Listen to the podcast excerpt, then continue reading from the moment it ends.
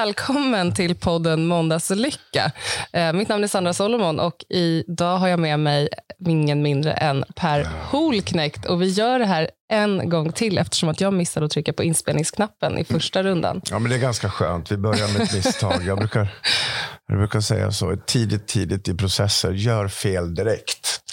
Så, så ja, men då släpper du lite grann på, på uh, stramaste knappen. Sådär. Och jag brukar liksom själv säga till mina medarbetare att inled dina meningar med liten bokstav så har du redan gjort fel och då får du göra precis mm. vad du vill. Underbart. Ja, det där är inte så jävla tokigt. Men det är det inte. Nej. Nej, så att nu, ehm, nu blev vi plötsligt människor här direkt och det är ju härligt. Så enkelt var det. så enkelt ja, det är mycket, det. Mycket, vet du vad, det är mycket, mycket trevligare tycker jag att förenas och möta människor på en ganska imperfekt plats. Uh. Istället för att sträva efter att ha någon slags perfektionistisk gemenskap. För den blir väldigt ansträngd och ganska innehållslös. Uh. Ja, då tänker jag, nu så pratade vi lite innan här om att jag hade ju slitits mellan att läsa på och inte läsa på. Mm. Och det blev någonstans där mitt emellan.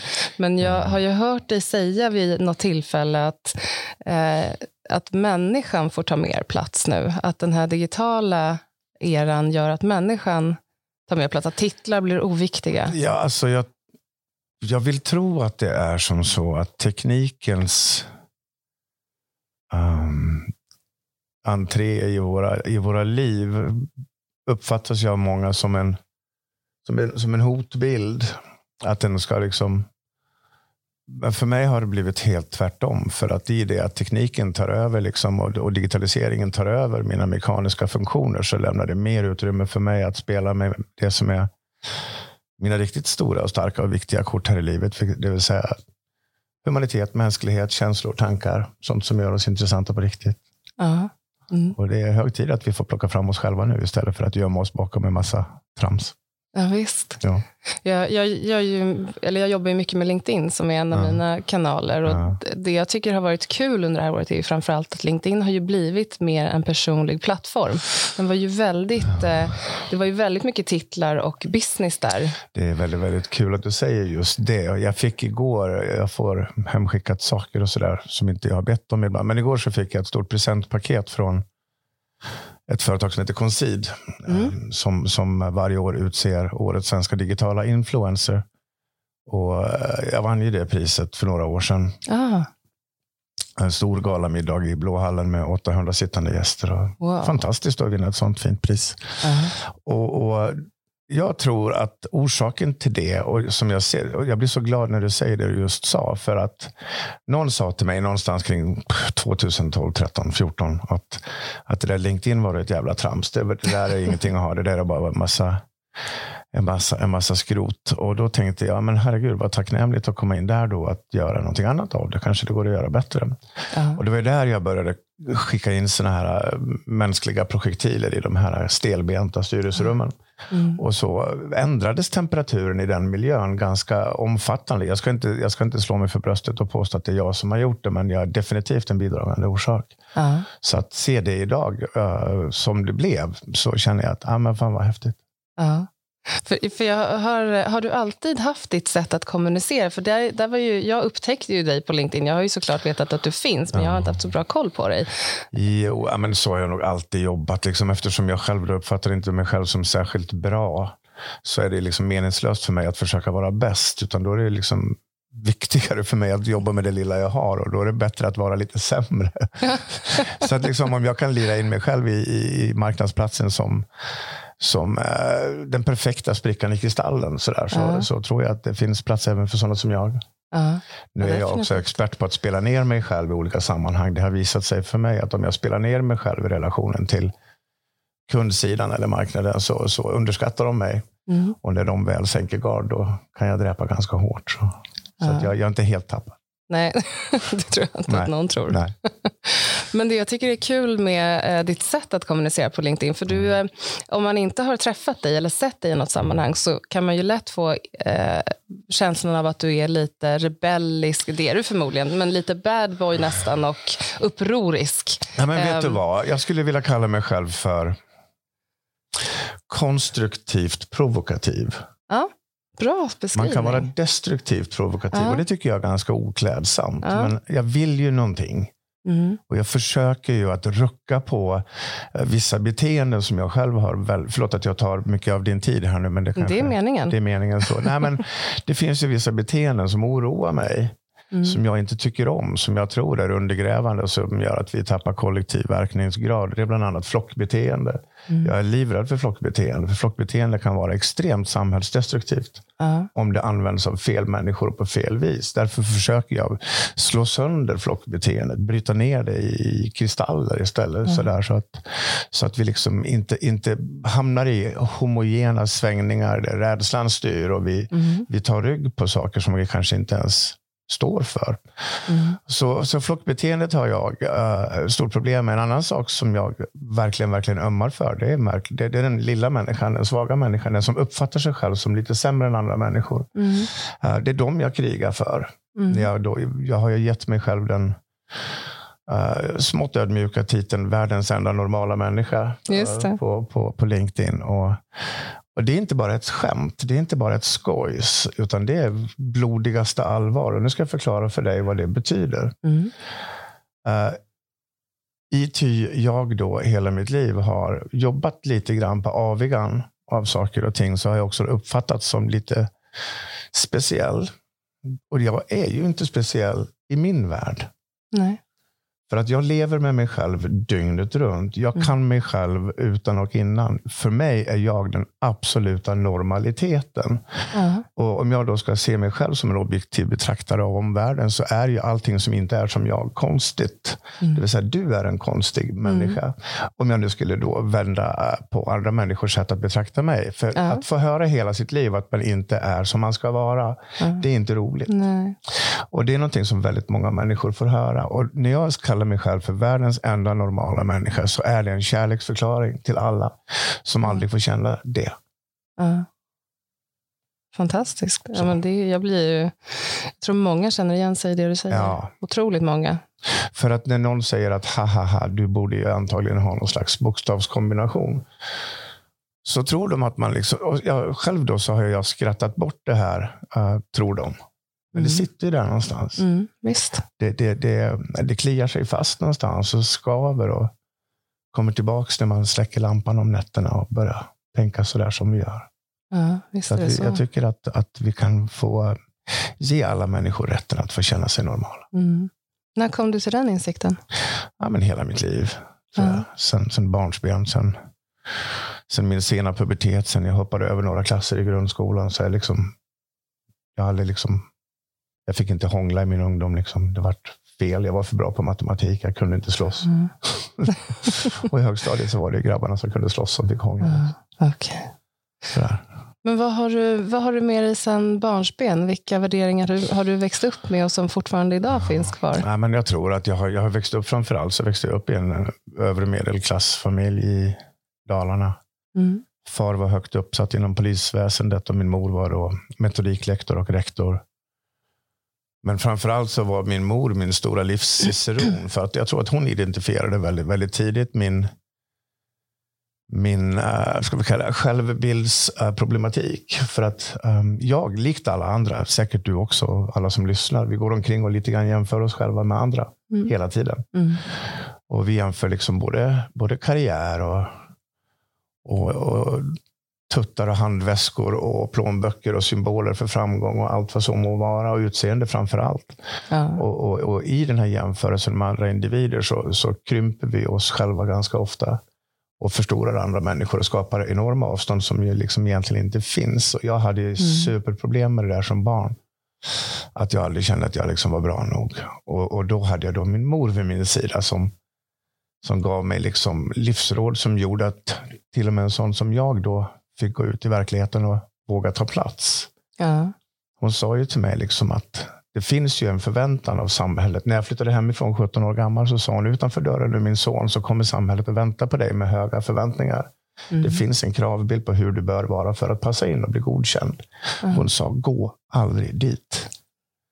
Lita på det Gud fader har gett dig, som mor- var troende. Hon sa, Mm. lita på det Gud fader har gett dig och jobba med det du har.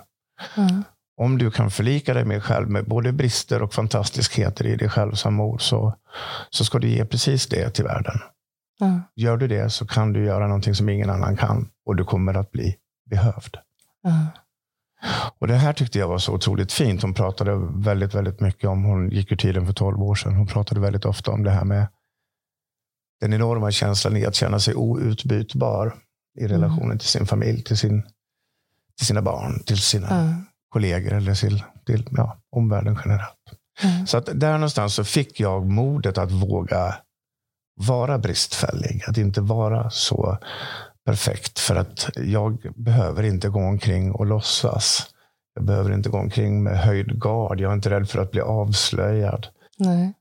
Så att det, det fanns en enorm frihet i det här som jag tror har gett mig möjligheten att få ut mycket av mig själv.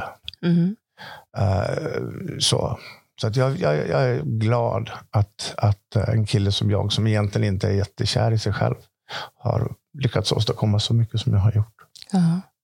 Jag tror att det är många som känner igen sig i den känslan att man inte är så kär i sig själv. Det är väl klart. Det är väl väldigt väl få som faktiskt... Men det håller vi eh, innanför våra lyckta dörrar. Ja, precis. Så folk vrider sig i stolarna när jag, när jag råkar skriva på LinkedIn att, att liksom, det skaver lite grann i mig. Mm. Då tycker folk att det är lite obehagligt att jag skriver det, men de blir ändå lite tacksamma för att de förstår att de inte är ensamma. Nej, För att det, vi är jättemånga som ligger och tänker på nätterna. Hur många människor i, i kära Sverige, avlyssnare eller dig och mig och andra, känner oss lite ovärda våran plats. Då man frågar sig, är jag värd min plats på Mm. den här arbetsplatsen? Är jag verkligen så här bra som människor omkring mig tror? Mm. En vacker dag så kommer de att fatta att jag är inte det. Mm. Den här känslan är jättevanlig. Jag har ju liksom gjort en liten mindre eh, survey själv i anslutning till mina föreläsningar. Där det visar sig att över 70 procent har tänkt de här tankarna. Ja. Och det är ingenting vi vågar prata om. Nej. Så det är ganska förlösande att lyfta det ovan ytan. Det är det. Jag tänker också att de människor som man oftast eh, finner intressantast eller som man får någon form av, av connection till är ju ofta de som faktiskt eh, eh, är människor, vågar vara människor och vågar dela någonting svårt. Fråga dig själv så här. Av, i, I din viktigaste vänskap, jag gissar att du är inte 19 år. Alltså de du nu vänner som du har destillerat fram genom Mm. ditt liv. Om du nu tar och verkligen, verkligen särskådar dina riktiga, riktiga vänner. Mm. Så frågar du dig själv, varför är de det? Ja. Var är eran förening? Mm. Vad är det som kopplar er samman? Det är ju att någon av er har ju någon gång vågat fälla en tår. Eller att våga blotta en svaghet inför varandra. Där bygger vi ju sanna relationer. Mm. Och de här relationerna som då är min li- lilla så här, ja, det, det är min lilla, ska vi säga, min alkemi. Relationen bygger ju allting för mig. Det är relationen, inte bara privat utan affärsmässigt också. Mm. Jag har ju lärt mig att om jag vill behålla min personal, jag är en jävel på att behålla personal. Hur gör du? Jag vågar vara trasig som Ja. ledare. Jag Mm. vågar vara operfekt som ledare. Därför att då så förenas vi. Jag har inte tappat en anställd. Alltså jag har anställt Mm. flera hundra människor genom åren. Ingen har ju sagt upp sig.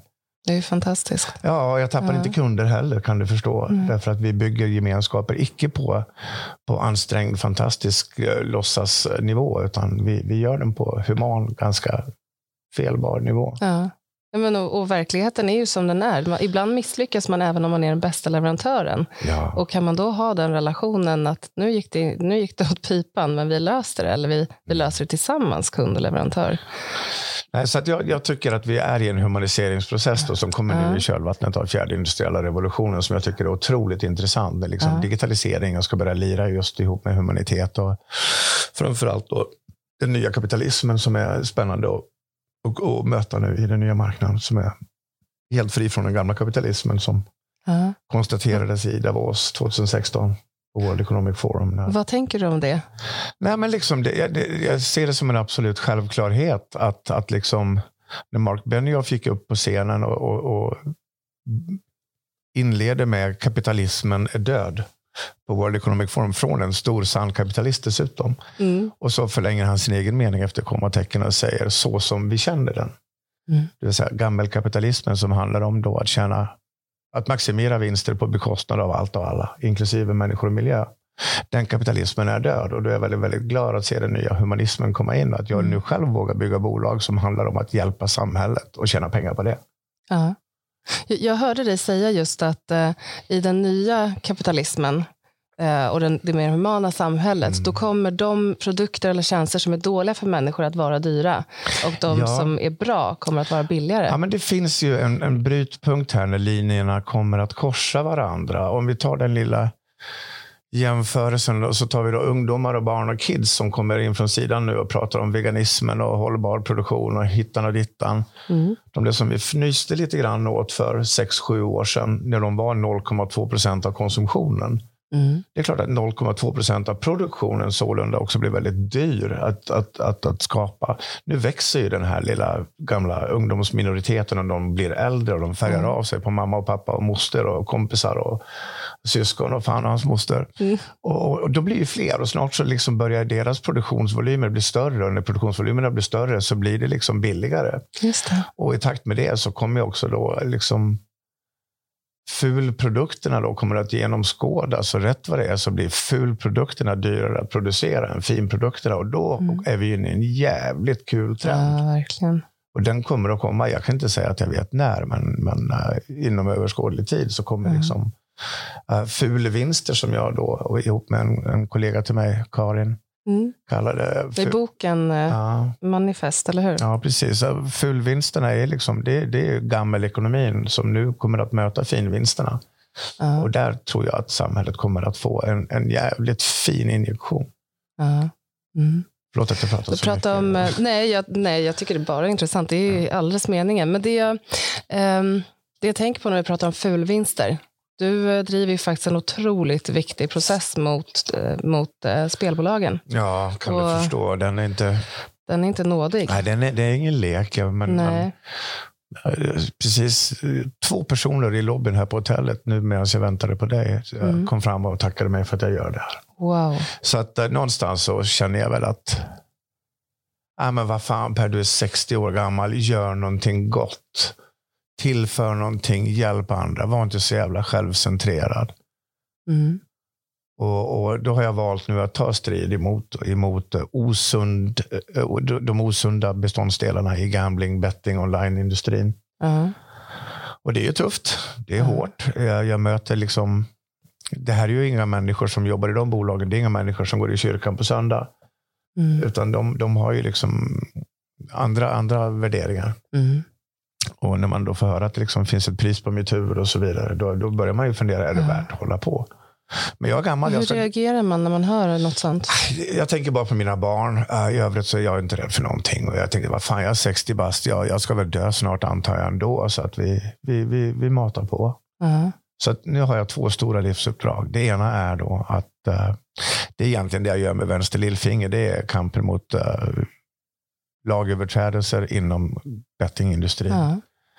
Och den andra är då, för det är då att för, förebygga eventuella tragedier, mm. familjetragedier. Mm. Och den andra är då att hjälpa människor som nu är i, i på minussidan av livet. Jag bygger ett bolag då som hjälper människor som är försatta i skuld. Jag såg det häromdagen. Berätta, vad är det du gör där? Nej, men vi hjälper uh, ja, men vi digitaliserar gamla analoga processer och och gör det som förenar människor som lever i väldigt, väldigt kritisk ekonomi är dålig kontroll. Mm. Så vi skapar kontrollverktyg för att, för att um, plangöra möjligheter och vägar tillbaka till en sund ekonomi, in i värmen, uh, närande del i samhället, att få mm. känna sig uh, värd igen. Mm. Vi är snart 600 000 svenskar som lever i röd ekonomi. Och mm. uh, vårt verktyg ska förhoppningsvis vända på hela den trenden. Det är många och många fler kommer det nog tyvärr bli som följd av pandemin. Ja, oh ja. Mm. Oh ja. Så att, ja, men vi, vi, är, vi har ju kodat nu i ett halvårs tid drygt. Fem personer dygnet runt. Wow. Och uh, fredag nästa vecka så väntas vi vara klara. Med 1.0 då förstås. Vi kommer uh. hålla på med det här väldigt många år. Uh. Stort. Ja, men jag är stolt över att jag kan göra så här, lite legacy. Så där, lämna efter någonting till mina kids och de får känna att fan farsan var inte så jävla tokig ändå. Men innan vi lämnar det här med, med kampen mot eh, lagöverträdelser i spel, eh, mm. spelbranschen. Um, du, du, driver den här kampen, den är tuff och mm. vi alla hejar ju på. Men mm. det är ju mm. samtidigt, kan, man kan ju känna när man står där längst fram att jag, jag, jag, jag behöver inte bara höra era hejarop. Jag skulle behöva hjälp. Jag skulle Ja. behöva att flera sluter upp. Eller Ja. vad, kän, vad, får du, vad får du från andra och vad behöver du från andra? Ja, men jag har fått ganska bra stöd. Allting började med en person som kontaktade mig och sa Per, jag noterar att, att du och jag delar spelberoendet. Mm. Och eh, Jag ser också att du har kommit till rätta med det, men jag förstår vilken bakgrund du har. Jag vill hjälpa dig att eh, göra utredningar på din, på din eh, spelhistorik. Mm. Så gick vi då in med stöd av GDPR och gjorde utdrag hos spelbolagen. Och där började det komma upp saker som spelbolagen inte ville skulle bli offentliga. Ja. Så sen den dagen vågade vi gå in i den här matchen. Den fyller ju då ett år ganska precis nu. Och sen dess har det anslutit. Vi har ju liksom ett stort team nu av pro bono jurister och sakkunniga psykologer. eh, alla tänkbara människor. Så Vi, vi, vi planerar då att gå till, till domstol. Ja. Att ta det den vägen. Och ehm, ja. Bara det engagemanget från, från många håll visar ju på att det här verkligen är en fråga som berör många. Ja, det är det absolut. Det, Mm. det är liksom det, det som det som är jobbigast i det här tror jag, det var att sen jag vågade börja prata om det här. Jag har ju själv en, en historik som spelmissbrukare. Mm. Så var det så många som kom ut och började Ja. berätta. Ja. För det här är ju liksom en, en uh, farsot som är belagd med så otroligt mycket skam och skuld och mörker och isolering. Mm. Och nu fick plötsligt människor en ventil att våga börja berätta. Och då har jag fått alltså, de här breven jag får från mammor och pappor och syskon och sådär. Mm. Till någon som har tagit livet av sig. Liksom. Det är fruktansvärt. Ja, jag har ju fått läsa jag, nio självmordsbrev så här långt. Oj. Och då så, ah, vad fan, jag kämpar på. Ja. Så jag kan inte prata nu. Nej, jag förstår. Så från början så var det här en personlig kamp för mig. Som jag, jag ville få sig personlig upprättelse. Ja. Men nu har det ju blivit uh, något, Det är helt så annat. mycket större. något helt annat. Ja. Ja. Och det är fantastiskt att du driver frågan. Jag, Men jag, jag, jag, ska, jag ska tro att även om mycket är pro bono och mycket är finansierat så tror jag att vi kommer ändå att gå ut och starta någon form av crowdfund för rättsprocessen. ja. Jag hoppas att vi kan få med oss människor som vill känna Ja. att de i alla fall petar in en tändsticka i brasan. Säg till när, när det är igång så Ja. får vi se till att, eh, att våra lyssnare och vårt nätverk får Ja. veta om det. Där vill vi alla vara med och bidra. Ehm, när, jag, när jag frågade min, eh, mitt nätverk här vad, vi, eh, vad de ville att vi skulle prata om här i podden så var det ju faktiskt en, eh, en Per Holknekt som svarade. och skrev att vi borde prata om, om kärlek och slipsar. Och jag tycker att dagen till ära, så, som du benämnde den, så tog jag på mig begravningsslipsen. och det är ändå bra att börja en, en, eh, relation sådär med en, en komplimang. Så att, ja, men du är jättefint klädd. jag skojar bara. Ja, men det är du verkligen. Men jag, jag tänker, det här med slipsar, det har ju blivit en liten grej på LinkedIn här. Vad, Ja. vad handlar det om? Nej, men jag tycker bara att det... det jag vet inte. Jag, jag, det bara känns så här... Det bara känns så dammigt. Mm. Det känns så dammigt och gammalt och försiktigt och lite återhållsamt och undergivet. Och eh, det- jag vet inte, vad, vad, vad fan. Är det inte hög tid att vi ska liksom få blomma ut lite grann Ja. istället för liksom att vissna av? Ja, Det är dags att släppa fram hela vårt jävla paket. Liksom. ja. Och, och, och, alltså, alltså, jag vet inte vad det är med det där, men vi är ju så rädda. Alltså människan söker ju första möjliga trygghet. Det ligger i vår natur. Vi ska Mm. liksom hitta ex, vår existens första möjliga trygghet och där vill vi bo lite Mm. grann. Mm. Och det gäller ju inte bara radhuset i Flemingsberg. Det här gäller ju även liksom, uh, Lindeberg-kostymen då, när man liksom kände, ah, kolla nu är jag som alla andra, nu blir jag godkänd. För då Mm. har man gått dit mamma varnade mig för att aldrig gå. Ja. För då tappar man sin särart. Och är det någonting som bygger lag, som bygger stor gemenskap tillsammans, så är det för fan olika komponenter och särart. Mm. Och det är där jag vill liksom, jag vill inte hitta kloner. Jag vill hitta unikitet. Jag vill Mm. hi- hitta tillväxt. Mm. Och där har ju jag då, eh, liksom, jag har valt att peta den gamla slipsen lite grann i midjan. Mm. Därför att den har ju en, en, en, ska vi säga, en eroderad eh, strukturell positions någonting mm. som, som, som, som, som känns extremt på retur. Uh-huh. Det känns alltså super... Jag, det, det finns en, en, en eh, bankdirektör i södra Sverige. Jag har varit föreläst för honom många gånger. Han anlitar mig jättemycket. I hans garderob, på hans kontor, så eh, första gången jag kom till honom så tog han mig till sin garderob. Så öppnade han och så, där hängde ungefär 30 olika outfits. Han sa, om jag tar emot mina... För alla här nere på landet känner mig, sa han. De vet vem jag är och vi, vi är kompisar vid sidan om. Och när storbonden då, som omsätter 14 miljarder, kommer till mig. Om jag sitter här i kostym, de kommer mm. att skratta ihjäl sig. Ja. De kommer att undra, vad fan håller du på med? Så ja. då tar jag på mig min Graninge-tröja som vi umgås med hemma vid. Så, där, så att man anpassar så liksom den här, den här positioneringen funkar inte längre. Mm. Själv när jag möts av, av, av, om jag går till banken och möter någon, någon som, som trampar omkring i, i någon liten så här, lågkvalitets ullkostym med, med en, en, illa knuten slips men, men, och lite sådär finnar. så tänker jag, nej, men gå inte dit, du, du vinner inte mig, du har just förlorat mig. Liksom. Ja. Mm. Så.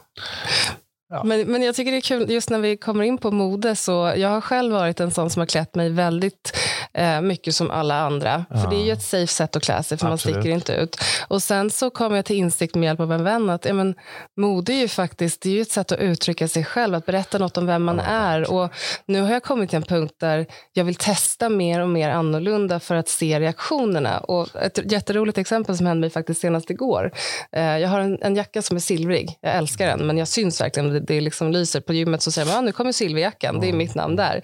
Men då gick jag in i fältöversten och så möter jag en gubbe i dörren och så säger han så här, gud vilken ful, ful jacka. Mm. Och jag blev så chockad så jag tänkte, sa han verkligen det där? Och så gick jag vidare. Och så tänkte jag, ja men han tycker inte om det, det spelar ingen roll för han såg mig. Ja. och sen gick jag in i nästa affär och handlade. Och tjejen i kassan innan jag går så säger hon så här, åh vilken fin jacka du har. Ja, ja. och jag blev ju lika nöjd för den kommentaren. Jag för det handlar ju om det. Jag träffade, sprang på en kille för kanske två veckor sedan. Så sa fan vad länge sedan Per, jag har inte sett dig på evigheter. Men vad fan, du ser ut som en jävla luffare. Vad är det med dig? sa han till mig. Och så, jag har ju då en radar. Jag kan ju, jag kan ju kvaliteter, jag kan, mm. ju, jag kan kläder, jag är mm. bra på kläder. Jag, jag granskar människor omedvetet. Jag, jag ser mm. direkt, är det här kvalitet eller låg kvalitet? Jag kan säga att min t-shirt kostade mer än hela hans outfit alltså, i, i den här situationen. Mina skor antagligen mer än hans bil. Så att, så att liksom, vi ska inte ha så jävla bråttom och, och, och bedöma. Och det är där jag får lite problem. När folk trivialiserar det här och det mm. pratas dresskoder mm. på LinkedIn. Mm. Det är väldigt mycket dresskoder på LinkedIn. Gör så här, får jag ha? Och jag tänker så här, fan, Margareta Ribbing är död. Mm. Liksom, det, där är, det där är svunnen materia. Mm. För fan, wake up för fan. Ja. Så, så liksom, nej. Och jag menar allvar om jag säger så här. Om, om, om jag äh, behöver anställa en person och det står mitt namn i, i annonsen och så kommer en människa då till mig i kostym och slips så kan jag garantera att den här människan får inte jobbet. Nej. För den har inte gjort sin research. Nej. Förstår inte vem jag är. Uh-huh. Och Jag skulle aldrig för mitt liv anställa en sån person. Särskilt inte om de börjar med att kasta upp ett CV på bordet. Nej. Jag läser alltid CV efter att jag har anställt. Uh-huh. Uh-huh. Så. Nu låter, jag, nu låter jag som en tjurig gubbe här, men det, Nej, men jag tycker det är kul. Det är mina små metoder. Det har ju funkat, så vad fan, why change a winning concept? Liksom. Visst. Men jag tänker också att det, det, är väldigt roligt att CV, visst, det säger, det säger någonting om vad du har gjort, men det säger ingenting om vad du kan framåt. Sen är det klart, för vissa typer av yrke, yrken så behöver du säkerställa att någon viss kompetens finns inom vissa områden. Du vill veta att din kirurg vet hur man hanterar Exakt. en skalpell, att han vet hur det ser ut under huden. ja. det, det, är inte mer med det. Nej. Men jag jobbar ju oftast väldigt nära kreativa mm. jobb som då ska skapa nytt och mer. Ja. Och där behövs det ju liksom frigörande av människor, ja. inte konserverande av människor. Precis. Och, och, då tror jag på frihet. Ja. Och när vi pratar om klädsel, då, liksom, jag klär ju mig själv för mig. Mm. Jag klär inte mig själv för dig. Nej.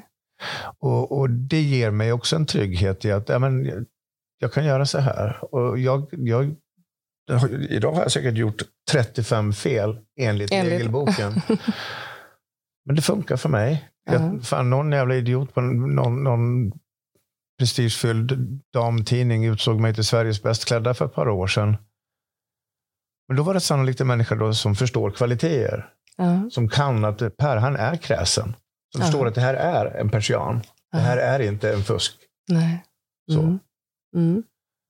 Jag vet inte. Mm. Jag tänker att det är ju lite en drivkraft också att hela tiden försöka bryta normen. Alltså för mig har det varit en, en drivkraft att, att, när alla väljer att göra på ett sätt, då vill jag göra på ett annat sätt. Bara nästan för att. Ja, men så gör inte jag. Nej.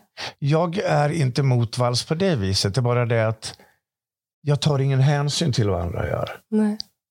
Ibland är det som andra gör det bästa. Ja. Då gör jag det också så. Mm. Men inte för att de gör det så, Nej. utan för att jag väljer att göra så. Mm. Så att jag försöker liksom att inte vara emot någonting, utan jag försöker bara bejaka min egen lust och längtan och passion och kärlek för övrigt. Vilket jag tycker är... Kärlek ska vi prata om. Ja, men kärleken tar alldeles, alldeles för liten plats i näringslivet. Den är, ja. den är nog på, den är utanför dörren, den är på väg in. Ja. Tror jag. På, på, vilket sätt tänker du att kärleken ska in? Relationer. Ja relationer, humana relationer. Därför att en mänsklig relation byggd på äkthet är extremt svår att bryta. Mm. En, en akademisk eh, gemenskap är helt fri från känslor och sålunda också väldigt lätt att bryta. Och då mm. förlorar man väldigt lätt en kund eller en bra kompetens inom sina, sina bolag. Uh-huh. Så därför så är kärlek, då, om man nu ska ställa det som synonymt med att vara human och se sina medarbetare framför allt. Mm. För som ledare, mitt jobb är ju att se mina medarbetares behov och längtan uh. efter att få komma till sin rätt, bli sitt bästa jag, förverkliga sin egen självbild och inte, och inte gå omkring i frustration. Mm. För att mänskliga frustrationen över att vi inte får komma till vår rätt, den är ganska stor. Mm. Och, och, där är det så jävla lätt att bygga en människa, att få en människa att blomma ut. Ja. Lika lätt är det att bryta ner en människa Just. för övrigt. Mm. Så att eh, där, och det, det, det, roligaste i det sammanhanget är att om du ska bygga en medmänniska i privata eller i jobbet så är det ju liksom inte bara enkelt, det är dessutom gratis. Ja, det är ju det. Ja. det, är det. Men kärlek i livet då? Du har ju, ja. precis som jag, varit igenom en, en skilsmässa för inte jättelänge sedan. Ja. Um, vad, Ja, men det är så här. Det, det, det, jag fick en fråga för några år sedan av någon journalist. Den svåraste fråga jag fått i hela mitt liv. Jag fick frågan, men hur är det att vara Per? Mm. Eh, och Det är stor skillnad på, på vem vi är och vad vi gör. Mm. Om du och jag sitter på en middag, vi känner inte varandra och du frågar mig, och, och vem är du? Och då svarar jag, jag är entreprenör eller läkare. Mm. Nej, det är inte det jag är. Nej. Det är det jag gör. Mm. Och, och, så jag är väldigt bra på att göra extremt duktig på att göra. Jag kan leverera, jag kan analysera, jag kan leverera. Uh, jag är inte lika bra på att vara. Nej. Jag, det är där som jag har mina bekymmer. Det är liksom i självförtroendefrågor, självkänslefrågor som, som, som jag väl aldrig kommer att komma ifatt mig själv riktigt. Nej. Så att, Nej. Så att eh, kärleks privatlivet sådär. Ja, men jag är hur har det varit eh, liksom nu under corona? För där har man ju varit tvungen att vara. Ja, Ganska det, mycket. Ja, skilsmässa. Ja. det blev ju skilsmässa. Ja. Tyvärr. Mm. Sorgsamt nog. Jag trodde mm. att 2020 och dess eländen var till ända där vid jul någonstans. Men, men eh, ja. dagen före nyår så blev det skilsmässa. Mm. Det är tråkigt. Ja, jag förstår det. Ja, herregud. Ska jag orka, liksom, ska jag orka försöka igen? Ja. Vi får se. Mm. Skilsmässa är en skilsmässa, men den är olika för oss alla. Jag, eh, jag skilde mig vid årsskiftet 2019-2020. Um, och jag är precis som du en person som, som gör, och jag gör mig ofta ur saker. Så är det någonting som är jobbigt så, så gör jag något uh, och ja. sysselsätter mig. Och, um, Jobbknarka lite grann, så som jag. Ja, ganska, ganska min, ordentligt. Vilket i och för sig, om man tycker om sitt jobb, så varför inte? För mig är det bättre att jobba mig um, stark än att supa mig svag. Ja. Mm. För att i, i kris så har jag ju en, en uh, dokumenterad jävel på min axel som, uh. som säger att den ska ta hand om mig. Kan vi inte prata om den jäveln? För att jag blev, jag blev otroligt rörd när jag såg dig prata med Malou från Sivers. Ja. När hon uh, ställde frågan, kan man dricka bara lite? Ja, det var till och med Anna det var starkt. Ja, det, ja, förlåt, det var det. Sanning, det var starkt. Ja. Otroligt starkt. Ja, det, det, det är ju då en, en, en uh, ofrivillig medresenär i mitt liv. Som alltid är mm. där och, och viskar i mitt öra. Så där. Mm. Jag går idag då på dag vad är det, 234 vit. Uh, uh. Är det svårt varje dag du räknar? Nej, men alltså just nu så har det varit ett sätt för mig att bara hålla i mig. För att när man är då en beroende karaktär som jag och få genomleva 2020 som har gett mig sådana enorma prövningar. Och att i varje sån situation fatta det tuffa beslutet att stå emot. Mm. Det kräver sitt. Ja. Men nu känner jag liksom, fan jag, jag klarar ju det. Vad har, du, har du någon, vad lyckas få dig att besluta dig för att nej, jag, ja, men det är min, livs, min livsnyfikenhet jag förstod det någonstans i somras att uh, jag har två vägar att gå. Ändra så liksom lyssnar jag på den fan och sen så går jag sönder. Sen så reser jag mig aldrig. Eller så mm. gör jag tvärtom. Mm. Så att, uh, nej nu är det jobb. Mm. Nu jobbar jag. Jag är pappa och jobbar. Ja. Ja, men det är det man hinner när man har små. Föräldraskap då? Du har ju en liten dotter. Hon är strax över tre, eller? Ja, tre och ett halvt. Tre och ett halvt, ja. det är underbar ja, ålder. Hon och jag, vi är ju liksom... Jag, jag, skrev det till hennes mamma i morse och berättade liksom hur, hur lilla Karla, som hon heter, har liksom vuxit in i mitt liv. Och, och hur jag är trygg som ensam pappa med henne. Ja först efter separationen och skilsmässan här, fan ska det bli ensam med barn? Och nu är jag så här, tusen procent supersäker med henne. Ja. Och, och, och uh, ah, det är så häftigt. Det är så här, jag fick en, en dotter när jag, fan jag tappade rösten. jag fick en dotter när jag var 35. Ja.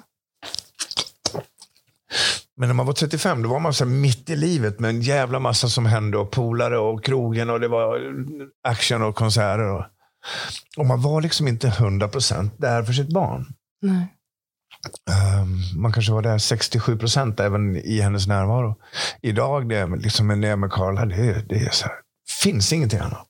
Ingenting kommer emellan. Nej. Så det är väl fördelen med att bli pappa när man är äldre. Ja fördelen med att bli förälder överhuvudtaget också. Ja, verkligen. Faktiskt... Och liksom, samma sak där. Liksom, vi försöker också att, hon och jag då, att liksom, jag försöker lära henne att man måste inte alls göra som alla säger att man ska göra. Mm. Man ska vara snäll.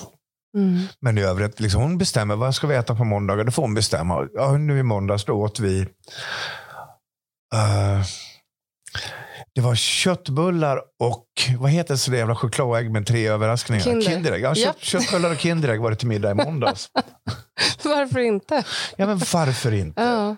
Och på, i tisdags då ville hon ha rosa spaghetti. Ja, men då hade vi karamellfärger. Det blev fler det. färger såg jag. Ja, ja det vart lite grönt också. Mm.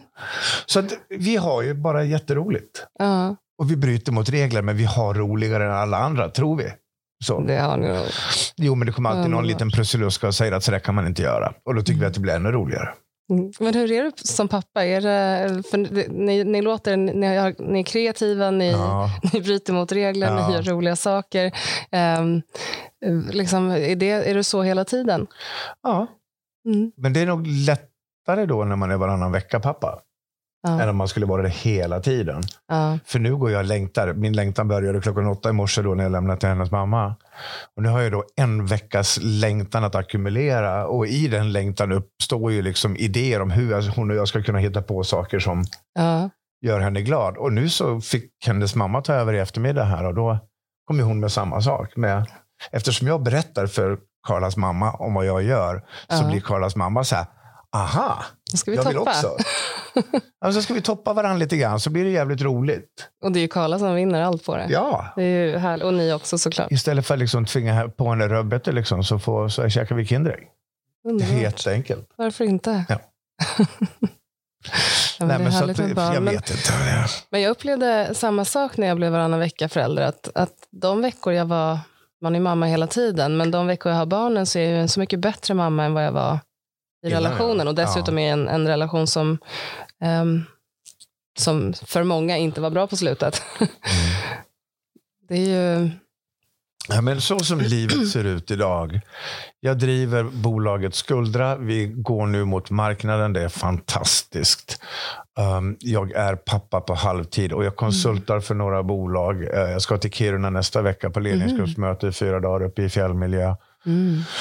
Och jag hjälper ett bolag i Gävle som heter Kastis med att hjälpa företag att sänka kostnader. Och Det är det jag gör. Så jag konsultar för några bolag, jag får enskilda föreläsningsuppdrag och jag um, driver upp mitt drömprojekt Skuldra. Jag tar kampen mot spelbolagen, men framförallt säger jag, mitt i alltihop säger jag pappa.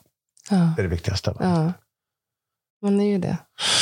Det är det som knyter ihop allt i livet på något sätt. Sen har jag min 25-åring också då, som är liksom också gått i, i spåren av far, där hon har lärt sig att jobba alternativt, tänka okonventionellt, vara modig, entreprenöriell. Ja. Hon öppnar sitt nästa nya bageri på måndag. Ja, Wow, är vad är det för bageri? Ja, nu driver hon ett på Nybrogatan som heter Ingrid. Mm. Så nu öppnar hon ett eh, till nytt på Regeringsgatan 91. Ingrid, även sådär. Vad roligt. Ja, men tuff tjej. Ja.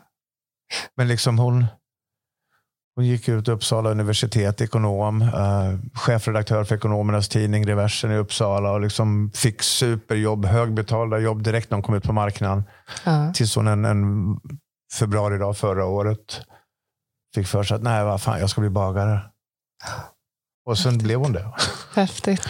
Och det går ju så löjligt bra. Men jag önskar att flera gjorde så i livet, att man vågar ställa om. Ja. För det är så lätt om man har gått en, en universitetsutbildning tre, Mm. fyra år eller mer, att man eh, känner att men det här är ju den banan jag valde, så jag, måste, fortsätta. Jag kan ju måste inte... ju. Jag har ju Precis. val. Jag kan inte ha slösat bort mina år. Ja, Ja, ja. Och det här, nu är vi tillbaka till första möjliga trygghet igen.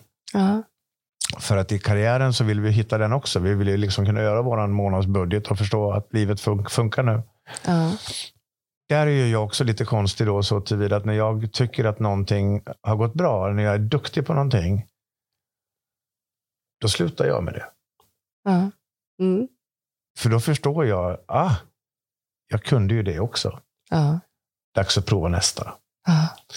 Annars liksom, mitt CV är ju så brett och stort och, och, och liksom, jag vet inte ens vad jag inte har gjort hittills. Du har ju gjort, och det var ju något av det första du sa när du kom in här också, men det är så många företag, eller det är så må- Ja. på många fronter.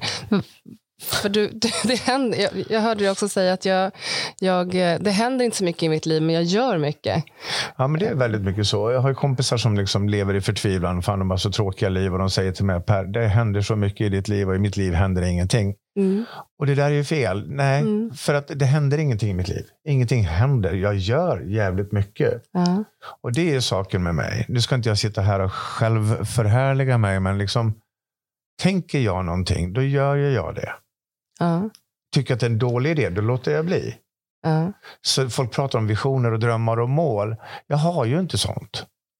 Utan liksom tänker jag så här, oj, jag vill bli pilot. Då har jag två alternativ.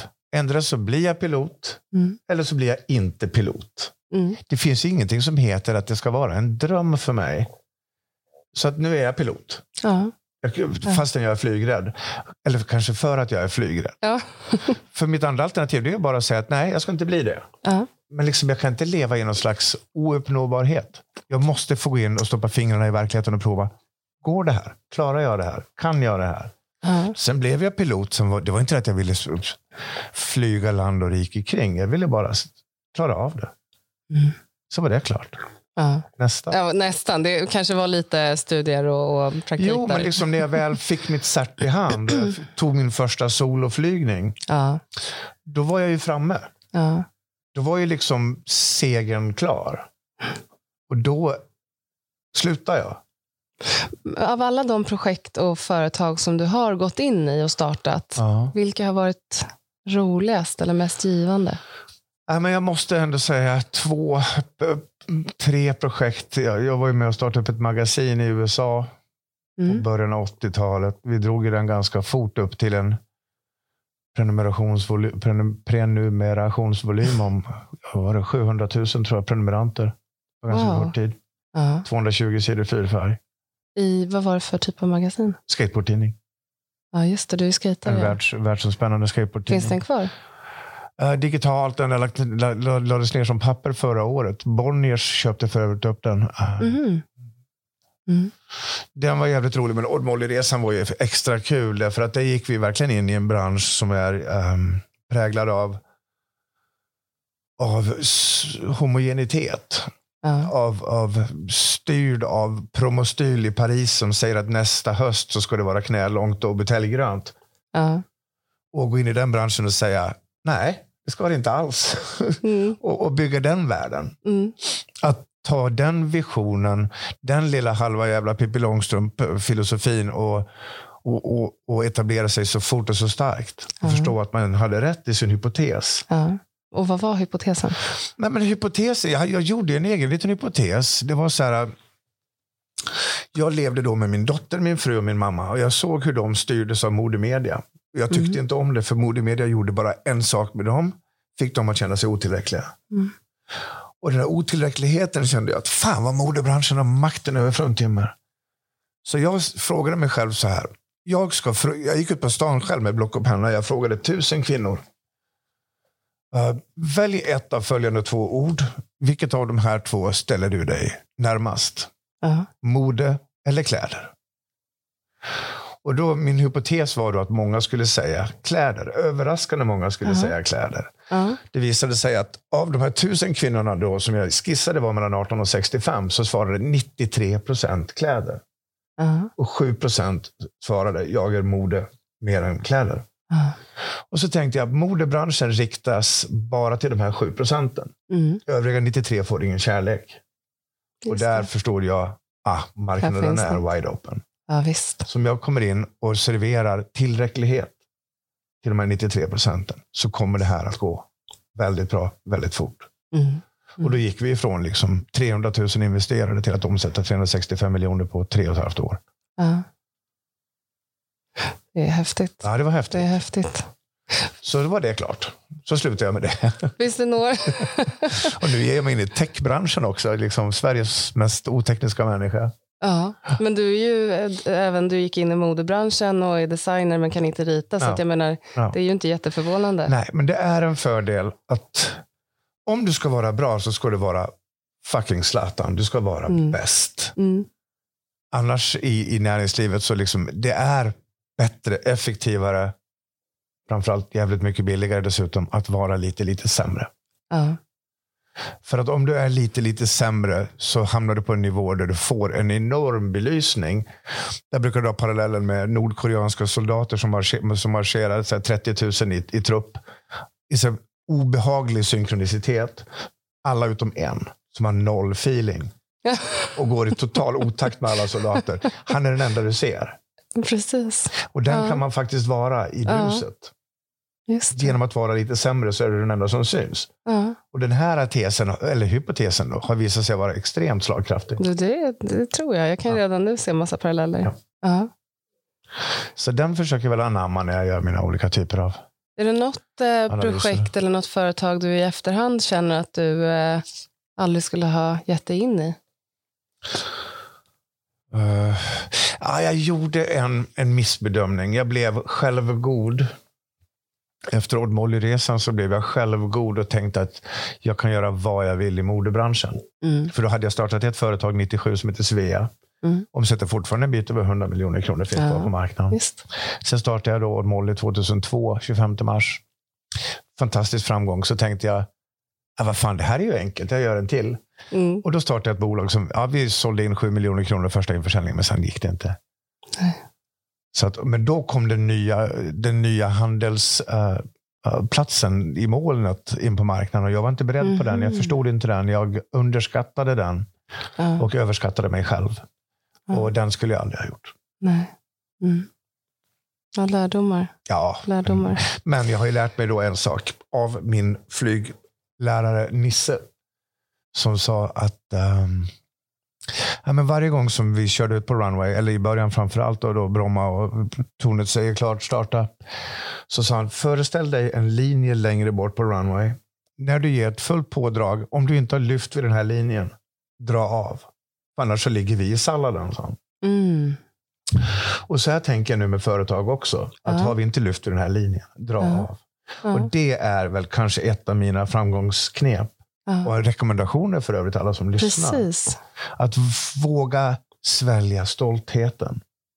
Våga ta den lilla smällen Ja. och avbryta. Ja. Jag tror det är jättevanligt att man, man kör vidare. Särskilt karlar. Ja. Mm. Stolta karlar kan Mm. inte ändra sig. Nej. Köper en jävligt dålig bil men kommer att försvara den i otid. Liksom. Ja. Men man blir ju ganska obekväm också när man är den personen som kanske vill slakta den där slakta, Ja. vad säger man, den heliga kon. Så jag tänker att vi ska eh, göra en liten lek där jag kommer att säga en mening och du får avsluta den. Och här finns inga begränsningar. Ja. Så ut med exakt vad du känner för. All right. Vi startar. Jag skulle vilja att mitt unga jag visste att...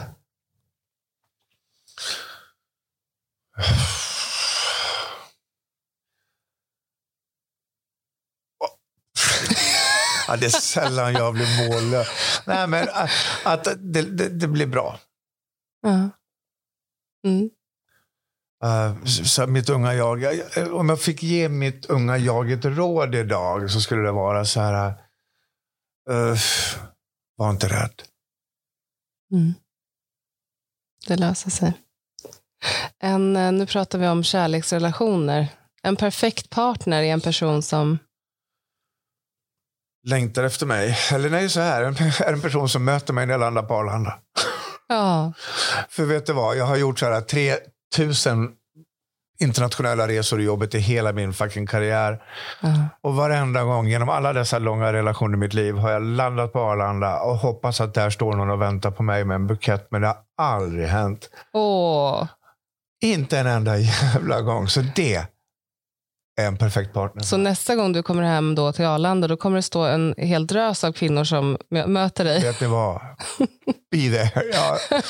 Nej, men vet du vad? Jag tycker det, det, det, har varit så sorgebarn i mig. Ja, jag skrattar, men det är ju inte roligt alls. Nej, det är inte ett jävla... Man får absolut skratta, men Ja. det, är fan sorgesamt. Ja, nej, men en Ja. person som längtar efter mig. Ja. Ja, men man vill ju känna Och sig, man vill känna sig efterlängtad och behövd. Ja. Och det är inte så konstigt. Mm. Om jag fötts som kvinna så skulle jag klä mig i...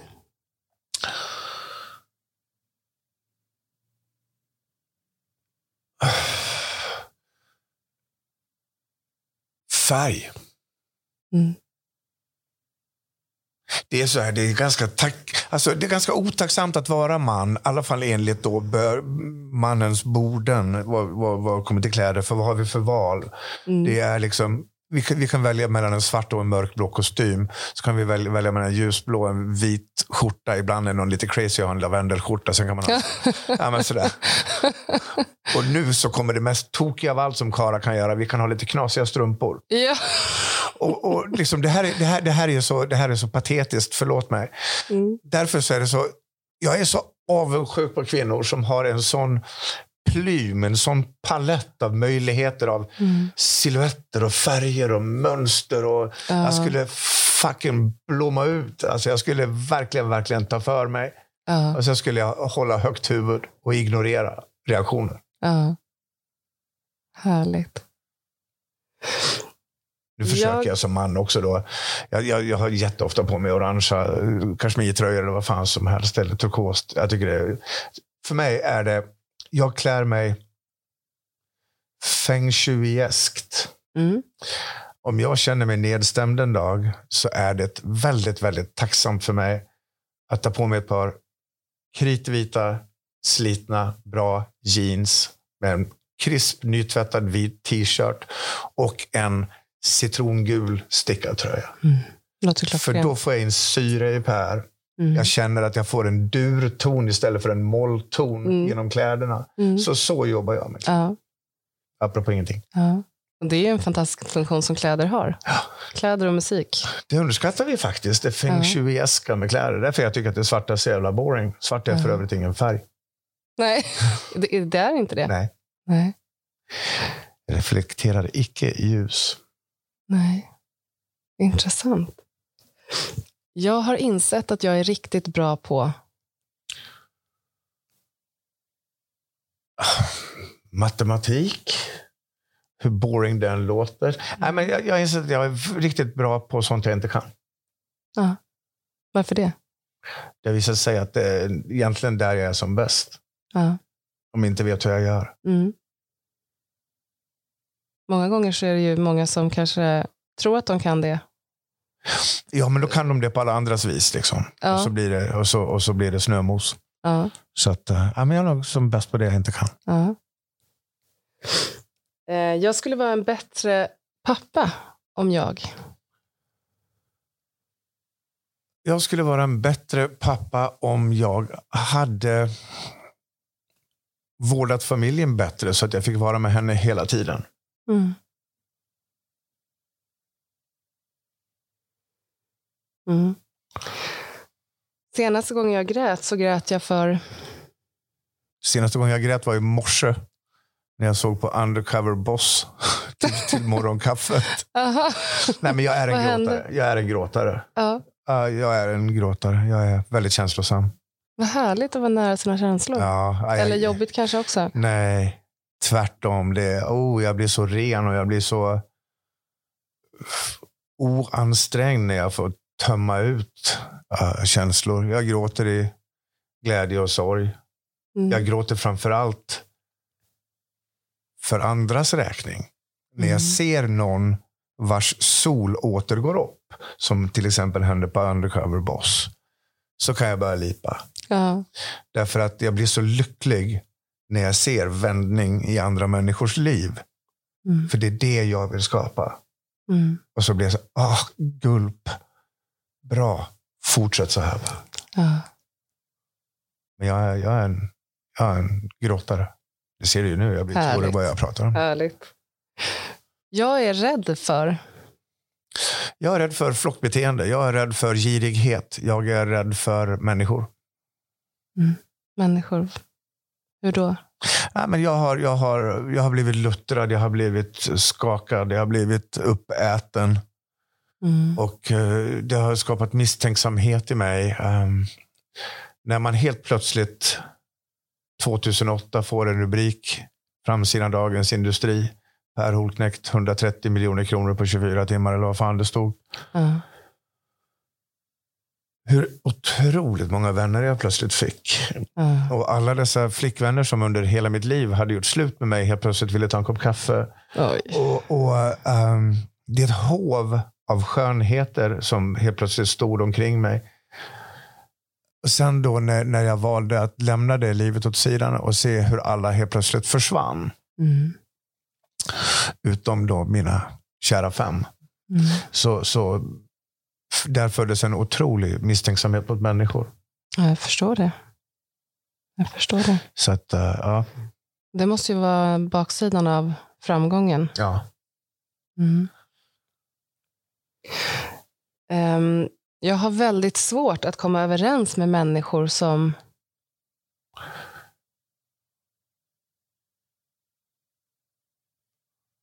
Som sätter plånbok före hjärta. Mm. Känns inte helt oväntat. Det är så här, sätter du hjärtat före plånbok så kommer i alla fall plånboken som ett brev på post. Ja. Men det är bara att det känns lite bättre. Ja, visst är det så. Um, när jag vaknar på morgonen.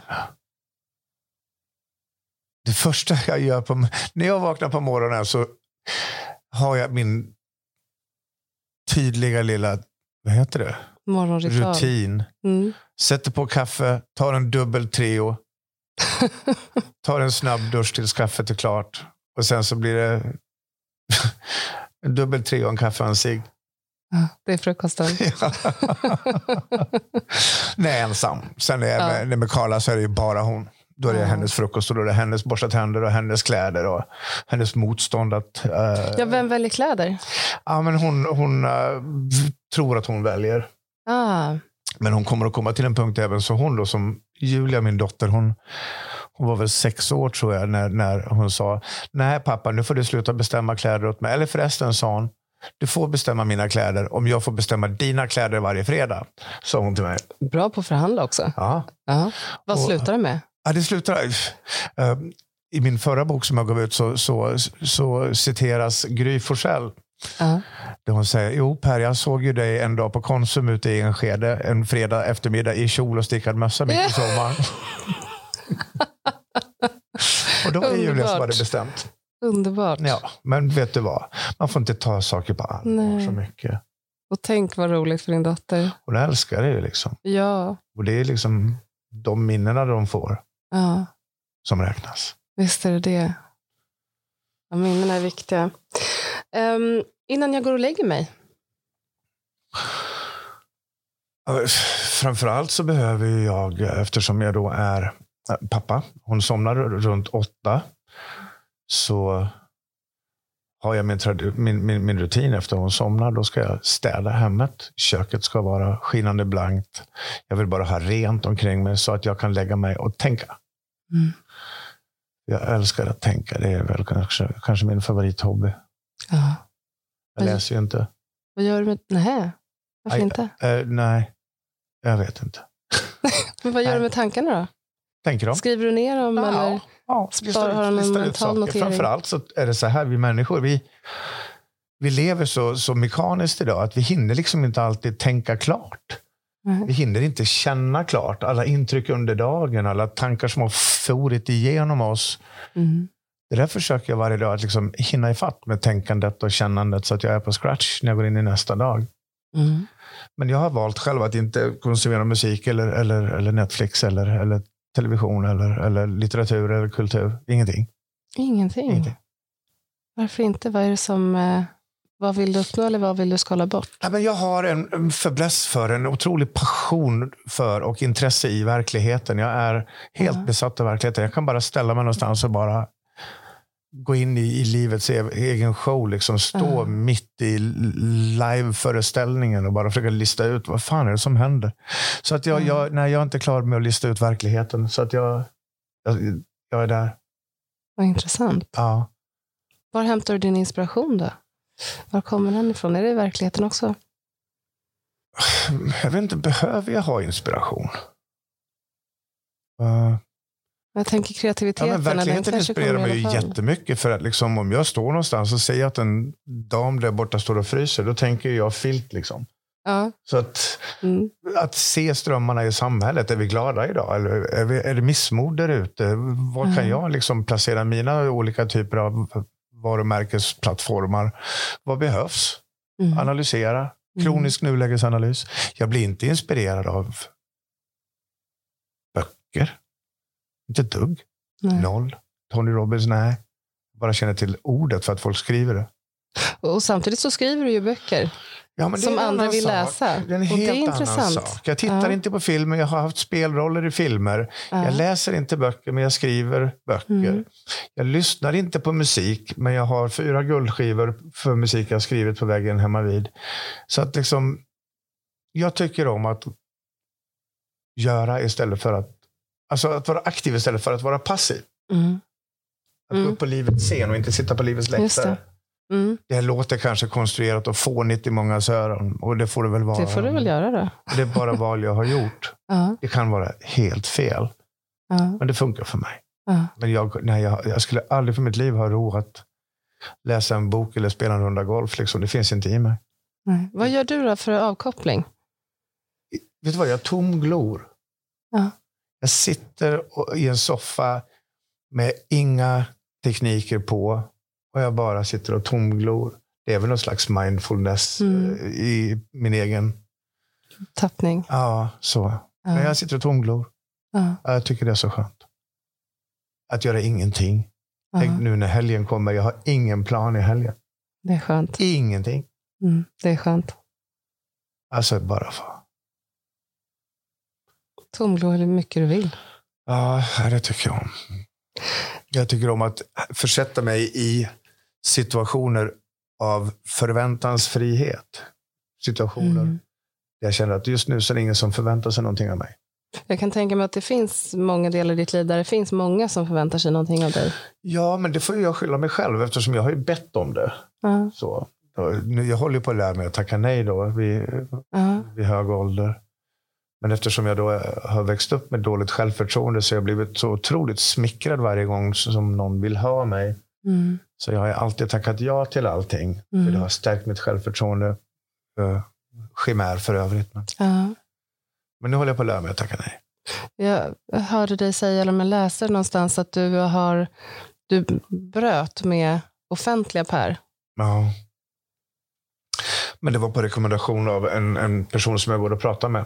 Ja, när jag pratade om min, min eh, nej men det, livets hägring. Jag, jag, jag letade hela mitt liv efter fel saker. Jag letade ju efter liksom skönhet, framgång, pengar, bilar, symboler, bla bla bla, ytterligheter.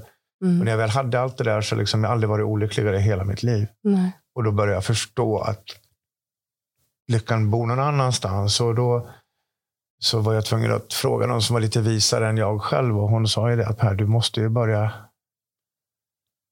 älska dig själv genom dig själv och inte genom andra. Mm, För att när man blir en offentlig person så blir du jättebekräftad hela tiden. ja, Som herrarna i lobbyn här nere som ja, applåderar mig.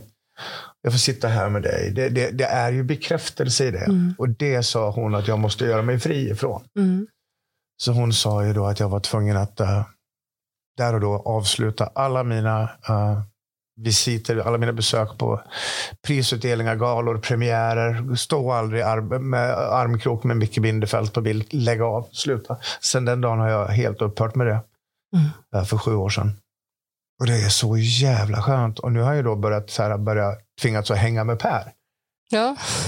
Hur är det? Jo, men hon sa ju dessutom så åk till landet, åk till ditt sommarhus på Ingarö och lås in dig. Var där jättelänge, sa hon. Och jag var så, vad fan ska jag... Alltså, själv? Hon var, jajamän. Ja, Och efter ett par dagar så skriver jag till henne och säger, men du, jag, det här är bara ensamt. Hon sa, häng kvar. Stanna kvar ett tag till. ja, Två dagar till. Fan, jag är ju superensam. Det här är... Nej. Hon sa, om du stannar kvar lite, lite till så kommer du alldeles, alldeles snart att få möta en person som inte du har mött på väldigt, väldigt länge. Och menar förstås att jag får återfå kontakten med mig själv. Och det visar sig då där att det, var, ja, det här är så jävla häftigt att fan, jag var inte så jävla tokigt, äh, tokigt sällskap till mig själv. Liksom. nej. Och därför första gången, tror jag, sen jag var 11-12 år, så, så, så kände jag min första kärlek till mig själv. Ja, Och, och den, är rätt, underbart. ja, den är rätt cool, för den har jag Ja. kvar, men jag har den bara när jag är ensam. Ja, Men när jag går utanför dörren, då går jag där och jämför mig själv igen och så krymper jag. ja. Vi gör ju det alla. Det är därför jag tycker om att sitta ensam hemma och tomglo. För då känner jag kärlek till mig själv. Ja, Konst, konstig människa. ja det låter härligt. Ehm, nu, nu lever du ju inte i en relation idag, eller inte vad jag vet i alla fall. Men, men eh, nästa mening är, jag skulle vara en bättre partner om jag... Om jag krävde lite mindre. Mm, Om jag sänkte mina förväntningar. mm. Vad förväntar du dig av en partner? Um, hängivenhet, lojalitet, lyssning. Uh, framför allt gemenskap. Vi mot resten, armkrok. Förenande Mm. och möta mig på Arlanda. Det låter ju inte som några orimliga krav. Nej. Och ska man behöva förvänta sig mindre? Jag, Om Per vill ha det så. Jag, jag är ju skild. så uppenbarligen så, så har jag krävt för mycket. Ja. Nej, men jag är en sucker. Jag är, jag är en kärleksmänniska. Jag är, Jag älskar kärlek. Alltså det är det finaste som finns här i livet. Herregud, det finns mm. liksom... Det måste finnas någon orsak till varför varenda jävla låt i världshistorien handlar om kärlek och ingen har lyckats lista ut den. Nej. För att den är ju så stor och så stark och så viktig. Och jag tror att det är därför vi håller på. Ja. Ja, tror jag. antagligen. Ja. Och liksom, jag älskar att ge kärlek. Det är liksom... Men att bara ge och ge och ge, då tar det ju slut också. Ja, visst. Ja. Nej, det måste ju fyllas det ska på. fyllas på. Ja. ja. Per, eh, jag vill säga tusen, tusen tack för att du kom och var med i podden. Jag har lärt mig otroligt mycket, jag har inspirerats, eh, jag har haft en jättehärlig stund. Och bara i korta möten så här finns det också kärlek. Ja men verkligen, jag känner mig trygg med dig. Vad härligt. Ja. Jag, jag hoppas att det ger någon bra energi för resten av dagen. Ja. Nej men fan, det här var ju trevligt. Vad det bra att du inte hade googlat mer. tusen, tusen tack. Ja, nu, nu åter in i vardagen. Nu har vi rapportmöten. Tre rapportmöten i tre bolag idag. Ja. Sen så ska jag sätta mig i soffan. Härligt.